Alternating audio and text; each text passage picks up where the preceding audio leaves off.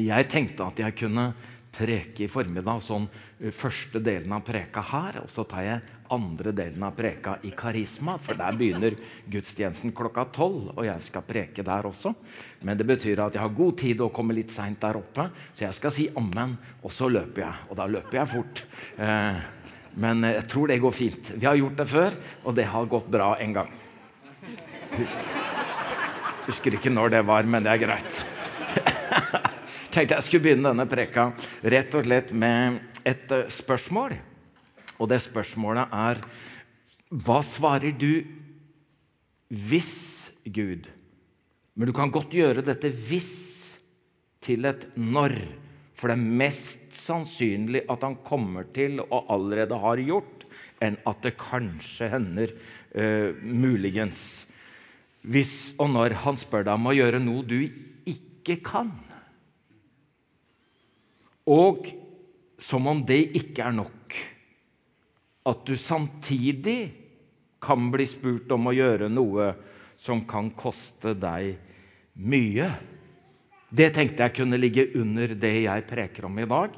Hva ville du svare når, hvis Gud spør deg om å gjøre noe som du i utgangspunktet ikke kan, og som kan komme til å koste deg mye? Og det var ikke ment som en kollekttale. Det kan koste deg mye mer enn det. Herre, jeg takker deg for at du er her og har fylt dette huset dette, og alle disse rommene med ditt nærvær. Vi vil se deg, vi vil høre deg, vi vil kjenne deg og kraften av din oppstandelse i Jesu navn. Amen. Og inn i dette så tenkte jeg at vi skulle møte Maria. Maria, Jesu mor. Jeg tenker at Hun er jo en av hovedpersonene i julefortellingen. og Da kan vi se litt nærmere på henne. Fordi Den ortodokse og den katolske kirke har jo overeksponert henne. og Dermed har vi tenkt at vi kan ikke si noe særlig om henne. For da kan folk tro vi er blitt katolikker.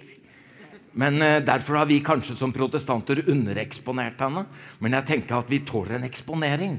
Vi tåler rett og slett å se hva vi kan lære av Maria, som ble Jesu mor. Og jeg vet at dette er teksten fra Marias budskapsdag, som det heter, eller bebudelsesdagen. Men det kan jo hende at dette er din budskapsdag.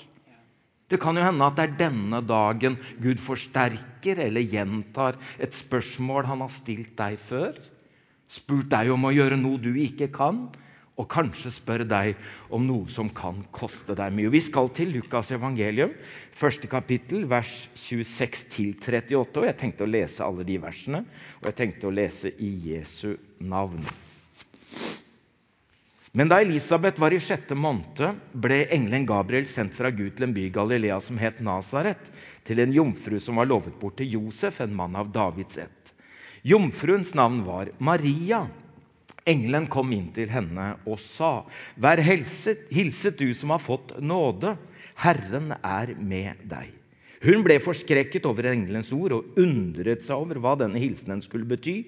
Men engelen sa til henne, 'Frykt ikke, Maria, for du har funnet nåde hos Gud.' Hør, du skal bli med barn og føde en sønn, og du skal gi ham navnet Jesus. Han skal være stor og kalles den høyeste sønn, og Herren Gud skal gi ham hans fars, da far Davids trone, og han skal være konge over Jakobs hus til evig tid, og det skal ikke være ende på hans kongedømme.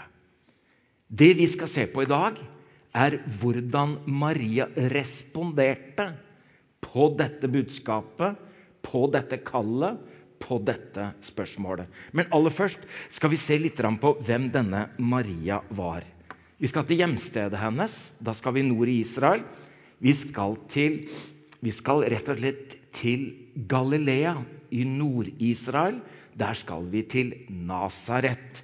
Nasaret var på den tiden en liten, ubetydelig bygd på kanskje 1500, maks 2000 mennesker. I dag bor det 80 000 mennesker i Nasaret, en stor by, kalles den arabiske hovedstaden. I Israel 70% muslimer, 30% kristne bor i Nasaret i dag. Så i dag vet alle hvor Nasaret var. Den gangen så var det nesten som å si at du kommer fra Nov. Ja, du sier aldri at du kommer fra Nov når du møter en fra Østlandet. Nei, Du vet ikke engang kanskje du hvor Nov er. Nei, det er så lite ubetydelig sted at det nesten er et ikke-sted. Så alle som bor der, de sier egentlig at de kommer fra Stavanger, og da vet folk hvor det er. ikke sant? Så når Philip sier til Nathanael at nå må du komme, Nathanael. Vi har funnet han som Moses og profetene skriver om. Det er Messias. Messias, Jesus fra Nasaret. da får Nathanael seg en god latter. Det var nesten som om han skulle si at han kommer fra Nov. Er det mulig? Kan det komme noe godt ifra Nasaret? Så vi skal til et lite, ubetydelig, ukjent ikke-sted nord i Israel. Men Gud er ganske kjent på kloden, også på små steder. Og Der møter vi ei ung jente som antageligvis kan være så ung som 13-14 år. Fordi at i den kulturen på den tiden var helt vanlig at man giftet, ble giftet bort så fort man var kjønnsmoden. Og hvis dette er sant, hvis det er sant, da har Gud gitt det største og det viktigste oppdraget i hele historien til ei ung tenåringsjente fra et ganske lite sted. Det sier nok mer om Gud enn om Maria, men allikevel ikke føl deg for sikker at han ikke vet hvem du er, og hvor du bor, og at han kjenner deg ganske godt. Sivilstatusen hennes er eh, at hun er lovet bort. Tro lovet, het det før. Forlovet heter det mer hos oss. Det kan være en slags innledningsperiode fram mot et ekteskap. Men for dem var det så forpliktende at hvis Josef hadde dødd i denne perioden, hadde Maria blitt regnet som enke. Så egentlig var de lovet til hverandre. Alt var klart. Men de kunne selvfølgelig ikke da ha sex før ekteskapet var offentlig inngått. Men hun var lovet bort.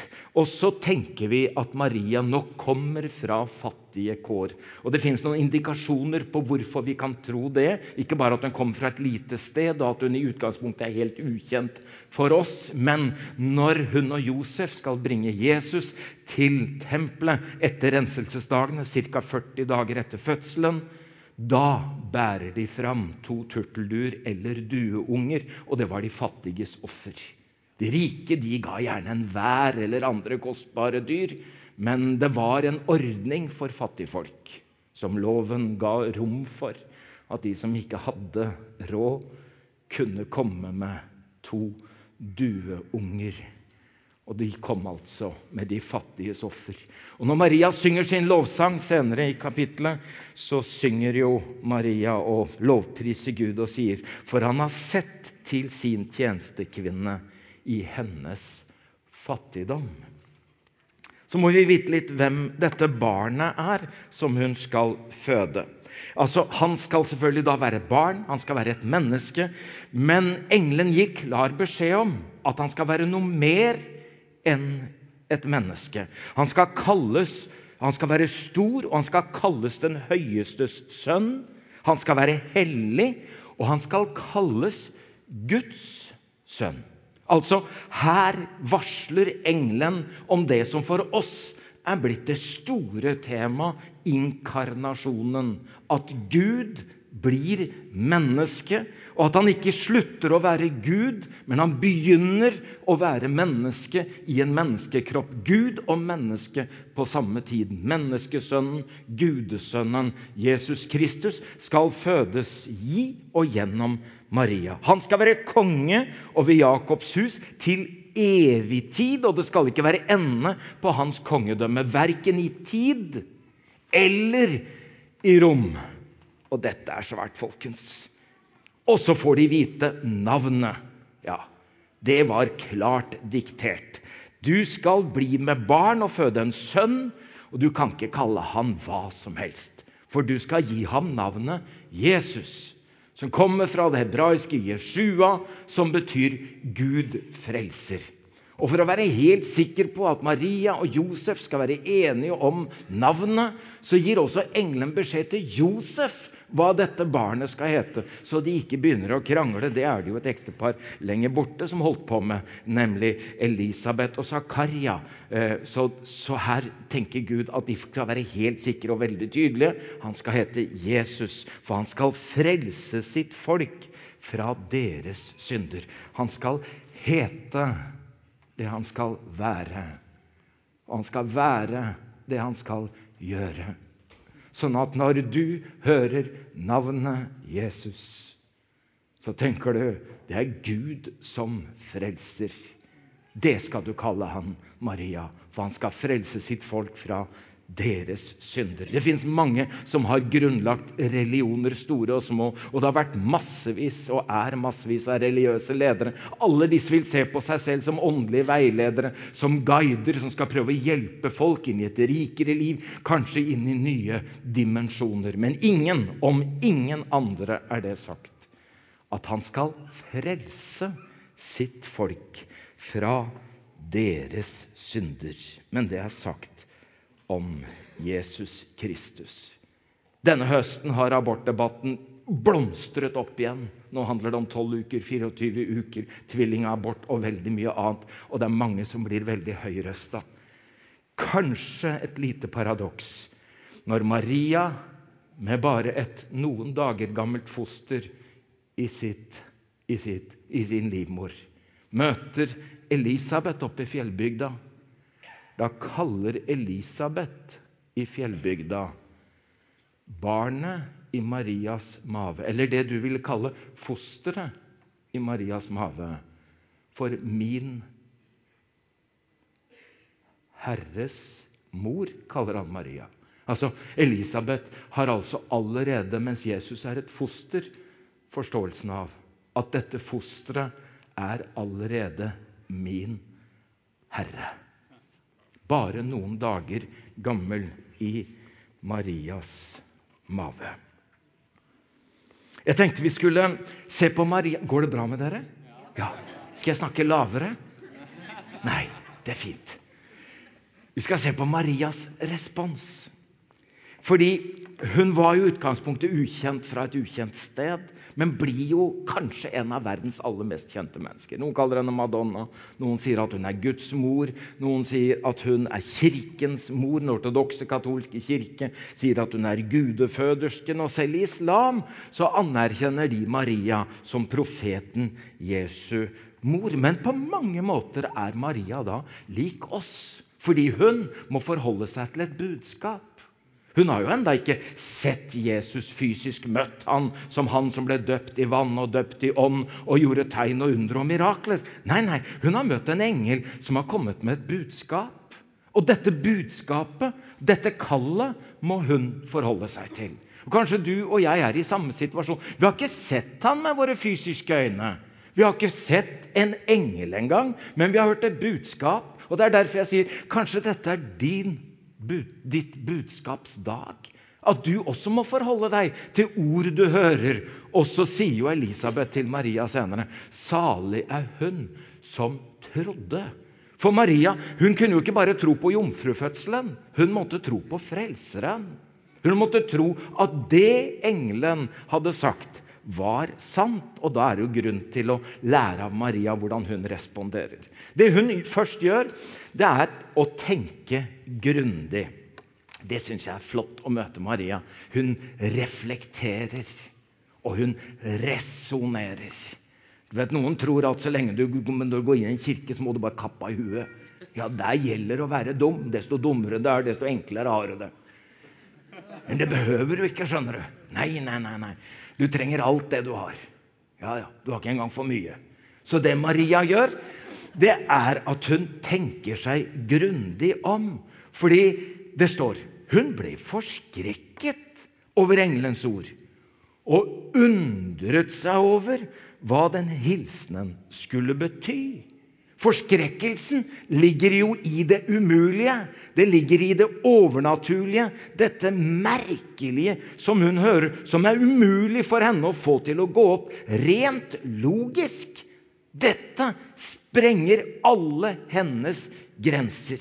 Og da måtte jeg sjekke hva betyr dette å undre. Jo, på grunnteksten betyr det å tenke, betenke, resonnere, diskutere, hevde og påstå. Hun møter noe som bryter med hennes logiske sans. Noe som innebærer en intellektuell sperring. Det er et slags hindring til blindt å si ja til dette. For det er umulig å forstå det. Det er rett og slett umulig. Og Noen tenker jo at kristne de er lettlurte. De er naive. De er rett og slett litt sånn smådumme, litt enkle. Fordi at de går på hva som helst. Derfor så tenker jeg vi kan lære av Maria. At det er lov å undres. Det er lov å ikke forstå. Det er lov å oppleve at det fins noen intellektuelle, logiske sperringer. Hvorfor blir dette så vanskelig for Maria? Hun er jo jøde. Hun står i en jødisk tradisjon. De har en jødisk forventning til Messias. Hvordan, hvem og alt dette har hun tydelige bilder av. At denne gudesønnen, Gud selv, skal fødes i henne, menneskekropp, og komme ut i menneskeform. Det er jo ikke mulig å skjønne ikke bare at hun skal bli gravid, som er vanskelig nok i seg selv, men at Gud skal få kropp. At Gud skal bli menneske. Det, det strider jo mot alt hun har av tro og tradisjon og forventning. Det er ikke noe rart at hun undres. Hun har rasjonelle innvendinger og sperringer så det holder. Jeg tenker at det fins to grøfter når vi møter noe som vi ikke kan forstå ikke kan forklare.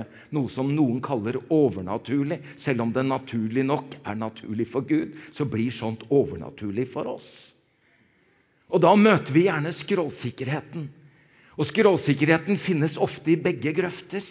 Ja, det finnes kristne som er så skråsikre du, selv på de små detaljene at de har glemt at det står at 'nå ser vi stykkevis' og 'forstår stykkevis'. 'Nå ser vi som et speil som i en gåte'. Nei, for dem er alt klart. Selv i minste detalj så er de skråsikre på den minste greia. Bare les noen sånne kommentarfelt, så tenker du disse skulle jo vært biskoper alle sammen. disse i dette. Ja, For de har skjønt alt. Det Det er noen vet du, som er så flinke, for at de er overbevist om absolutt alt.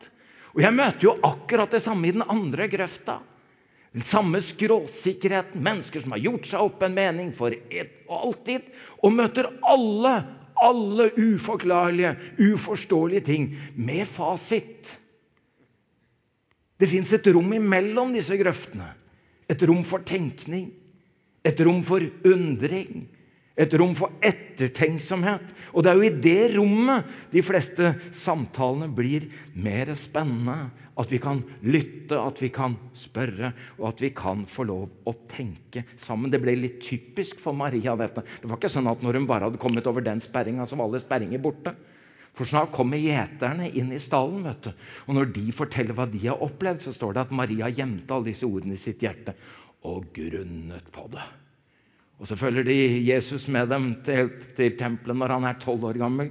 Og så blir han igjen der. Og når de har lett etter han i tre dager og endelig finner han, så sier han, 'Visste dere ikke at jeg måtte være i min fars hus?' Da står det, da gjemte hun dette i sitt hjerte og undret på det. Hun fikk mye å undres på, Maria, etter hvert. Og hun undret seg gjennom hele livet.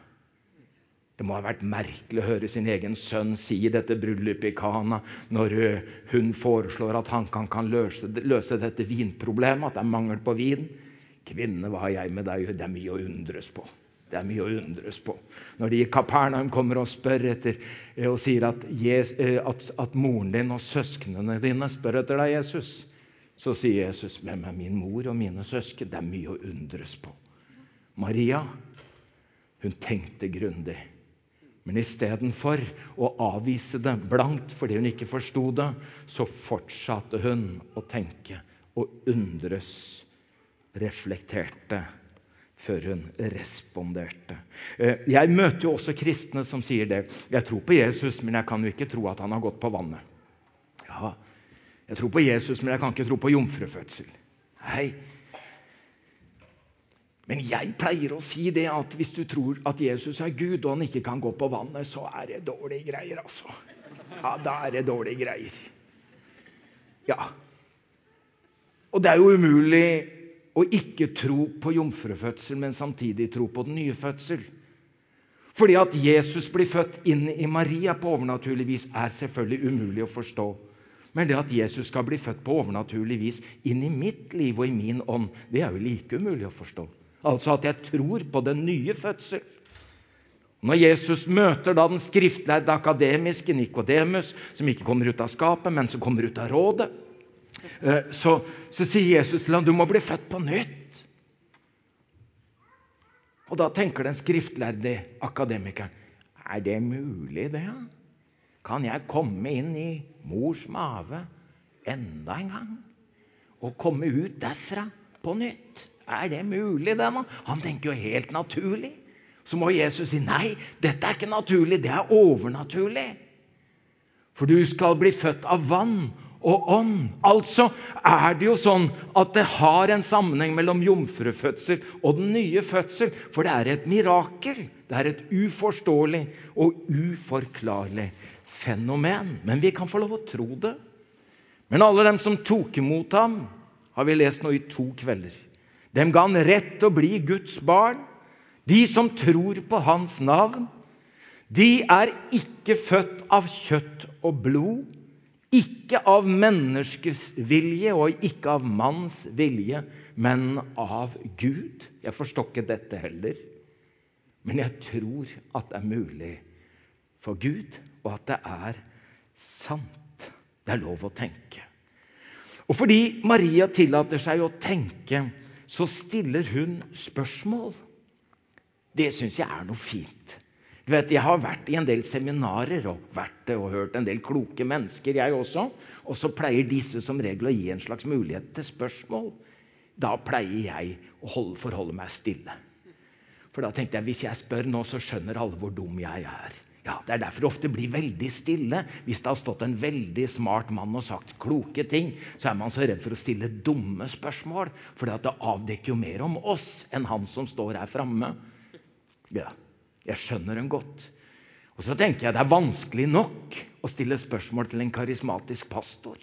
Ja, Det er mange som ikke tør å spørre. Det er til og med mange karismatiske pastorer som skaper miljøer hvor det ikke er lov å spørre. Ja, og Særlig hvis du da står foran et menneske som kanskje til og med har en profetisk gave. Så tenker du nå kan jeg ikke spørre noe som helst. Men Maria står ansikt til ansikt med en engel. Og denne engelen heter Gabriel. Det er liksom ikke hvem som helst heller. Nei, det er ikke en sånn liten en som sitter på skulderen. Nei, det er ikke en sånn rosa som sitter på en sky heller. De kan du jo spørre om hva som helst. Du kan til og med stille spørsmålstegn om de fins. Men nå står hun ansikt til ansikt med engelen Gabriel som snakker. Og så spør hun. Det syns jeg er fantastisk. Maria sa til engelen, 'Hvordan skal dette kunne skje når jeg ikke har vært sammen med noen mann?' Det fins minst to former for tvil. Noen prøver å produsere spørsmål for å være helt sikre på at de slipper å tro. Gjerne kverulerende. Kan Gud gjøre en firkant til en trekant eller skape en stein som er så stor at han ikke kan løfte den selv? Altså, Det går an å finne på spørsmål hvor selv Gud står fast. Men det er fordi disse spørsmålene ligger noen premisser. Og de premissene blir umulige. Og da har man bare konstruert spørsmål for å slippe å tro og ta konsekvens. Men en annen måte å spørre på er en type åpenhet og ydmykhet. Jeg trenger et svar. Jeg vil vite. Jeg må prøve å forstå, iallfall så jeg kan. Tro, hjelp meg. Ikke sant? Det er det Thomas spør når Jesus sier å, jeg går ikke, ikke la hjertet bli grepet av uro og angst. Tro på Gud og tro på meg. Og Peter sier halleluja, dette er sterkt. Og Thomas står med hånda i været. Jeg er ikke helt sikker på veien ved Jesus. Og da kjenner jeg liksom irritasjonen fra Peter. Må du alltid spørre? Kan ikke du bare si halleluja uten å skjønne noe for en gangs skyld, du også? Hver gang vi skal ha bibelgruppe, og hver gang vi er på alfagruppa, så stiller du disse spørsmåla dine! Ja. Takk skal du ha, Maria, for at du spør. For du spør jo ikke bare på vegne av deg sjøl, men du spør på vegne av oss. Og så spør du på en måte som er ydmyk, for du tenker hvis jeg får et svar jeg kan leve med, hvor jeg ikke nødvendigvis skjønner alt, hvor ikke alt går opp logisk Men jeg må ha et svar på dette. Hvordan i all verden skal dette kunne skje? Kan vi få barn uten sex? Er det virkelig mulig? Og så gir engelen henne en referanse. Jeg har alltid sett for meg at Elisabeth, som er denne slektningen, kanskje er en tante. Du vet det, Maria, at alle er jo enige om at hun kan jo ikke få barn. Selv om Zakaria og Elisabeth har bedt om det i årevis, så vet jo alle nå at Elisabeth hun får ikke barn. Sånn gikk det med dem. Maria, hun er allerede i sjette måned. Visste du det? Det har skjedd noe, Maria. Det kan hende at du av og til trenger noen positive referanser, og ikke bare det negative. At du ikke alltid bare skal høre om det som ikke har skjedd, men at du kanskje av og til trenger å høre om det som har skjedd. At du ikke bare nærer din tvil med historier som ender dårlig, men at du av og til får en referanse til noe som Gud har gjort. Og da svarer engelen noe som er blitt til hjelp for oss alle på så mange måter til så mange tider. For ingenting er umulig for Gud. Altså Det er dette som gjør at det er ikke mulig for deg, Maria, men det er mulig for Gud. Høsten 94 eh, jobbet og var ansatt i TV 2. Gud hadde åpnet en vei inn i TV 2 høsten 1992 eh, for at jeg skulle bli pastor på TV 2. Jeg var helt sikker på, og jeg er det i dag, at Gud på mirakuløst vis åpnet veien inn i TV 2 for å lage TV og være TV 2-pastor. Høsten 94, altså bare to år etterpå, ringer en dame fra Filadelfia-kirka Oslo til meg. Jeg hadde respekt for henne. Hun hadde en profetisk gave, en profetisk tjeneste, som jeg syns hun levde veldig troverdig i. Så jeg hørte godt etter når jeg hørte at hun sa, 'Egil, jeg har fått et ord til deg. Og jeg kjenner at jeg må gi deg det. Så hun sier ikke i hvilken situasjon eller hva hun har tenkt når hun har fått det. Hun sier heller ikke noe om hva jeg skal tenke og hva jeg skal bruke dette til. Det er bare en overlevering av dette ordet som hun har fått, og har fått det så på hjertet at hun tar seg bry med å ringe. Det hadde hun aldri gjort før til meg. Det ordet hun, ja, hun har fått til meg, det er sånn at hun sier du må bare tenke på det, Egil. Du må grunne på det, eh, får du se. Og det ordet hun ga meg, var dette. Stol på Herren av hele ditt hjerte.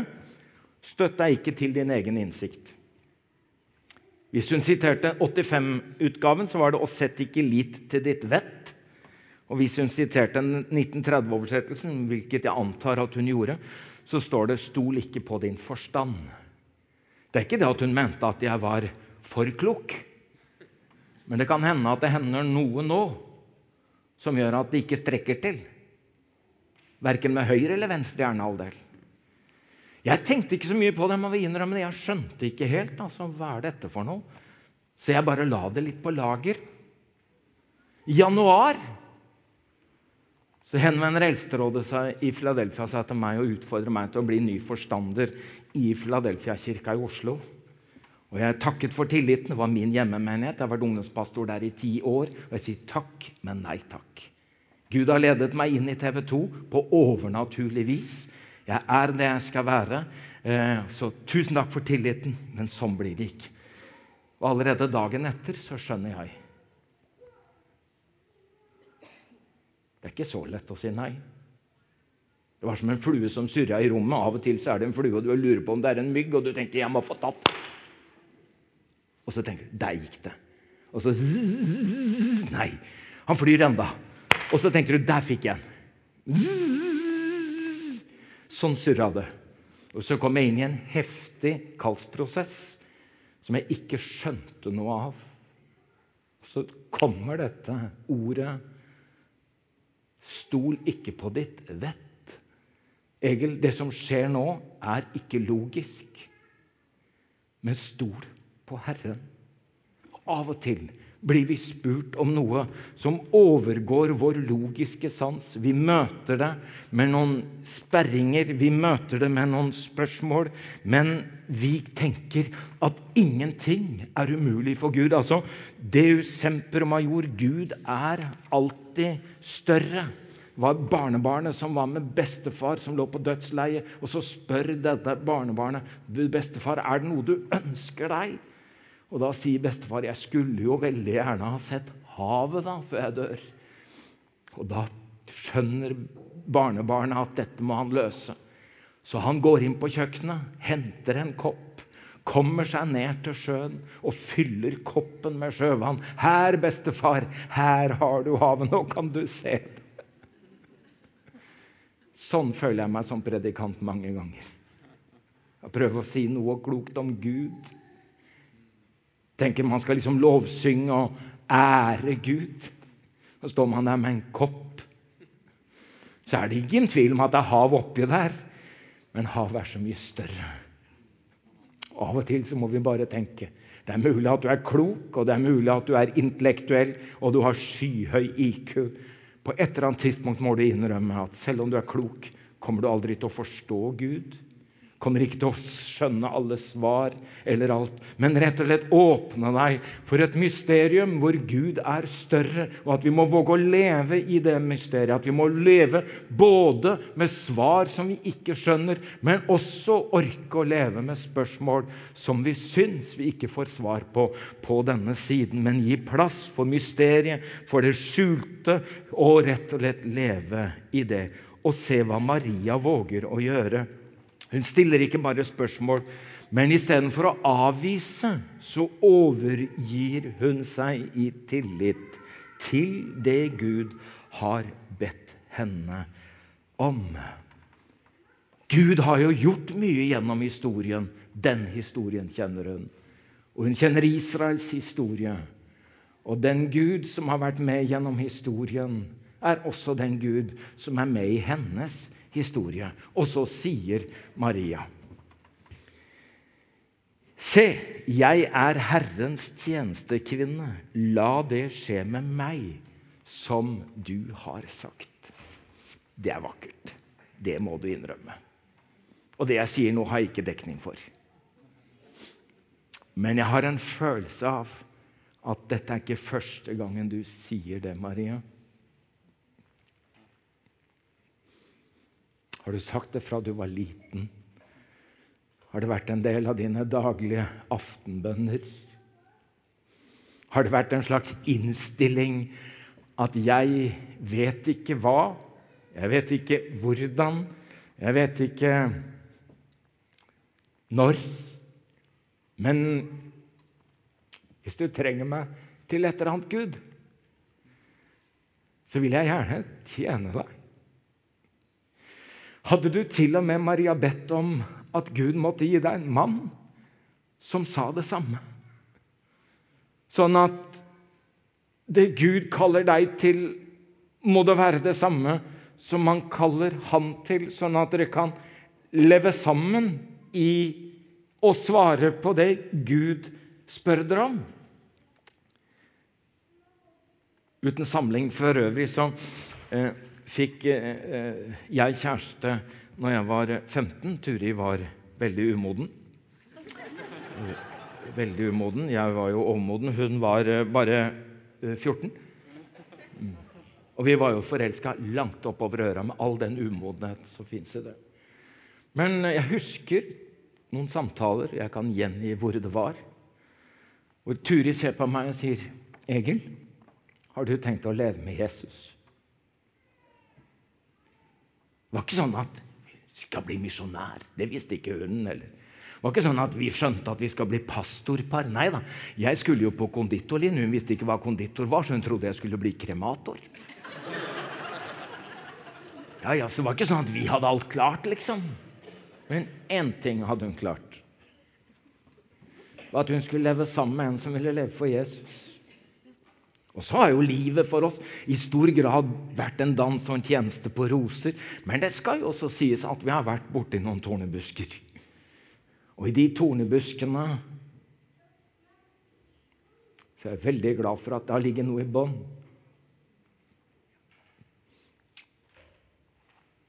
Herre, vi ønsker å tjene deg.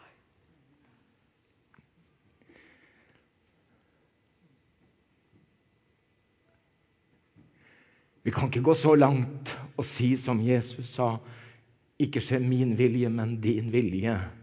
Men jeg skulle ønske at jeg kunne leve der.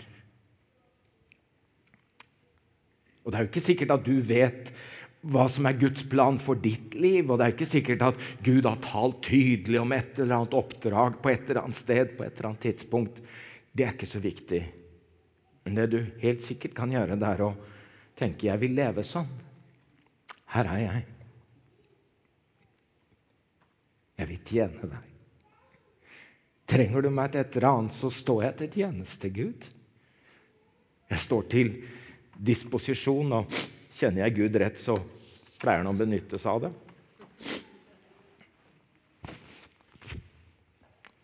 Derfor er det spennende å holde sammen.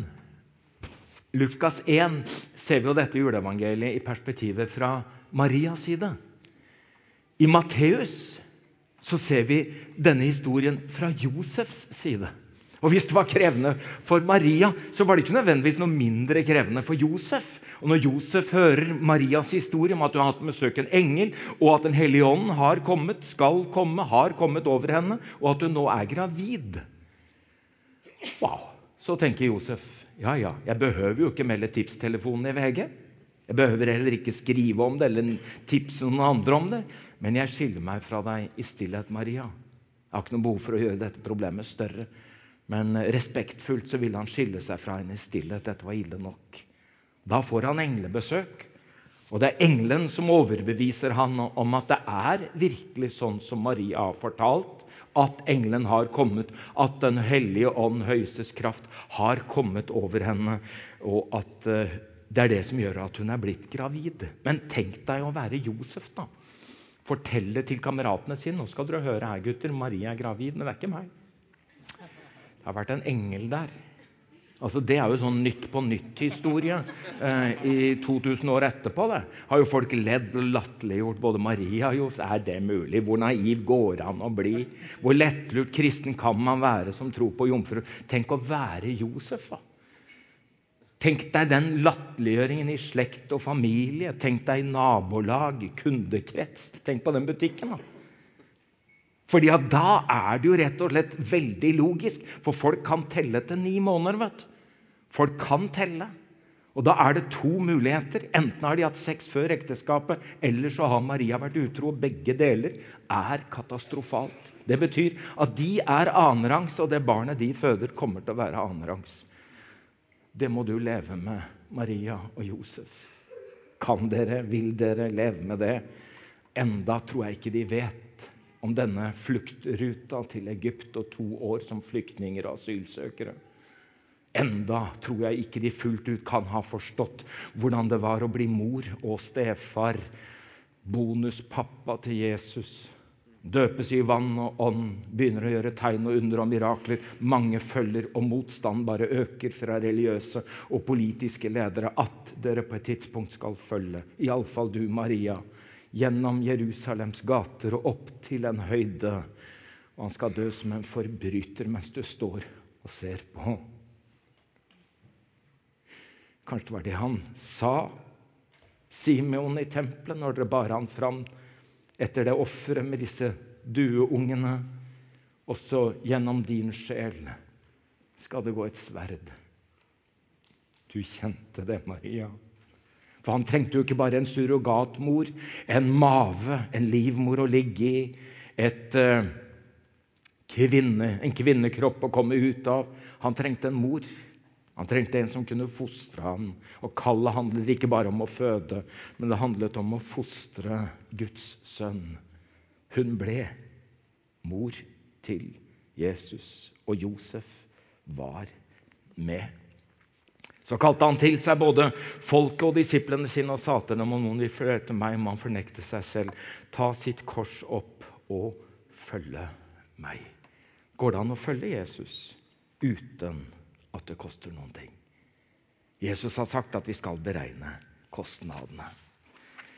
Det siste som jeg deler, og det skjønner du, at det må jeg vel snart, siden jeg skal preke nå i, i karisma. Så jeg lander i dette. Er det greit? Hun søker støtte. Det syns jeg er flott. Hun trenger noen å snakke med, hun trenger noen å dele med. Hvem vil forstå henne, og hvem vil ta imot henne? Det har du tenkt også noen ganger. Når du møter noe i livet, så kan det være sånn Hvem skal jeg snakke med dette om? Hvem kan jeg dette, dele dette med? Du vet, Kirke det er ikke en bygning vi går til, det er en familie vi hører til. Og I denne kirka går vi ikke bare på gudstjenester, men vi er sammen med noen som vi deler både det gode og det vanskelige livet. Og når vi kan dele, så skjer det noe med oss. Og Gud har ordnet med at Maria skal få møte Elisabeth. For noen dager senere så dro Maria av sted og skyndte seg opp i fjellbygdene til den byen i Juda hvor Zakaria bodde. Der gikk hun inn til Elisabeth og hilste på henne. Og Da Elisabeth hørte Marias hilsen, sparket barnet i magen hennes. Hun ble fylt av Den hellige hånd og ropte høyt, velsignet er du blant kvinner, og velsignet er frukten i ditt mors liv. Men hvordan kan det skje at min Herres mor kommer til meg? For da lyden av din hilsen nådde øret mitt, sparket barn i magen min av fryd, og salig er hun som trodde, for det som Herren har sagt henne, skal gå i oppfyllelse. Og dette er et av de vakreste bildene jeg vet om. To generasjoner. Elisabeth som bærer på det som ble Johannes døperen, som ble kalt Røsten, og Maria som bærer på han som ble kalt Ordet. Og her møtes Røsten og Ordet allerede mens de er foster, og de responderer og reagerer på hverandre. Det skjer noe i det rommet, og det skjer noe med Maria. Hun får bekreftelsen, hun får oppmuntringen, hun får erfaringen, hun får åpenbaringen. Nå får hun den hjelpen hun trengte. Nå skjer det noe med perspektivene til Maria. Og etter dette kommer Marias lovsang. Sørg for at du har noen å dele også det uforståelige og uforklarlige. For hvem skal du gå til når Gud spør deg om å gjøre noe du ikke kan, og ber deg om å gjøre noe som kan koste deg mye? Da må vi ha noen som vi kan snakke med, og som kan både bekrefte, oppmuntre og møte oss med sin erfaring og sin åpenbaring. Og Dere skal selv få lov å lese det som er Marias lovsang Magnificat, men som er starten her. Min sjel opphøyer Herren, min ånd fryder seg i Gud, min frelser. Her kobler hun i Moses, og her kobler hun på profetene, og her kobler hun på Jesaja. Og nå ser hun det hun ikke kan se, og nå forstår hun det hun ikke kan forstå. Nå snakker hun i lovsangen om den økonomiske, om den sosiale, om den moralske revolusjonen som dette innebærer. Og så ser hun storhet. Og så skjønner hun. Det er krevende, men det er Guds nåde. Det var derfor han sa du har funnet nåde hos Gud, Maria. Det er ikke sikkert livet ditt blir lettere av dette, men det jeg kan garantere deg, det blir rikere, og det blir større. Takk deg, Herre, for at du møter åpne hjerter, og du har mange ting som du ønsker at vi skal være med deg på. Amen. Amen. Halleluja, sier nå jeg.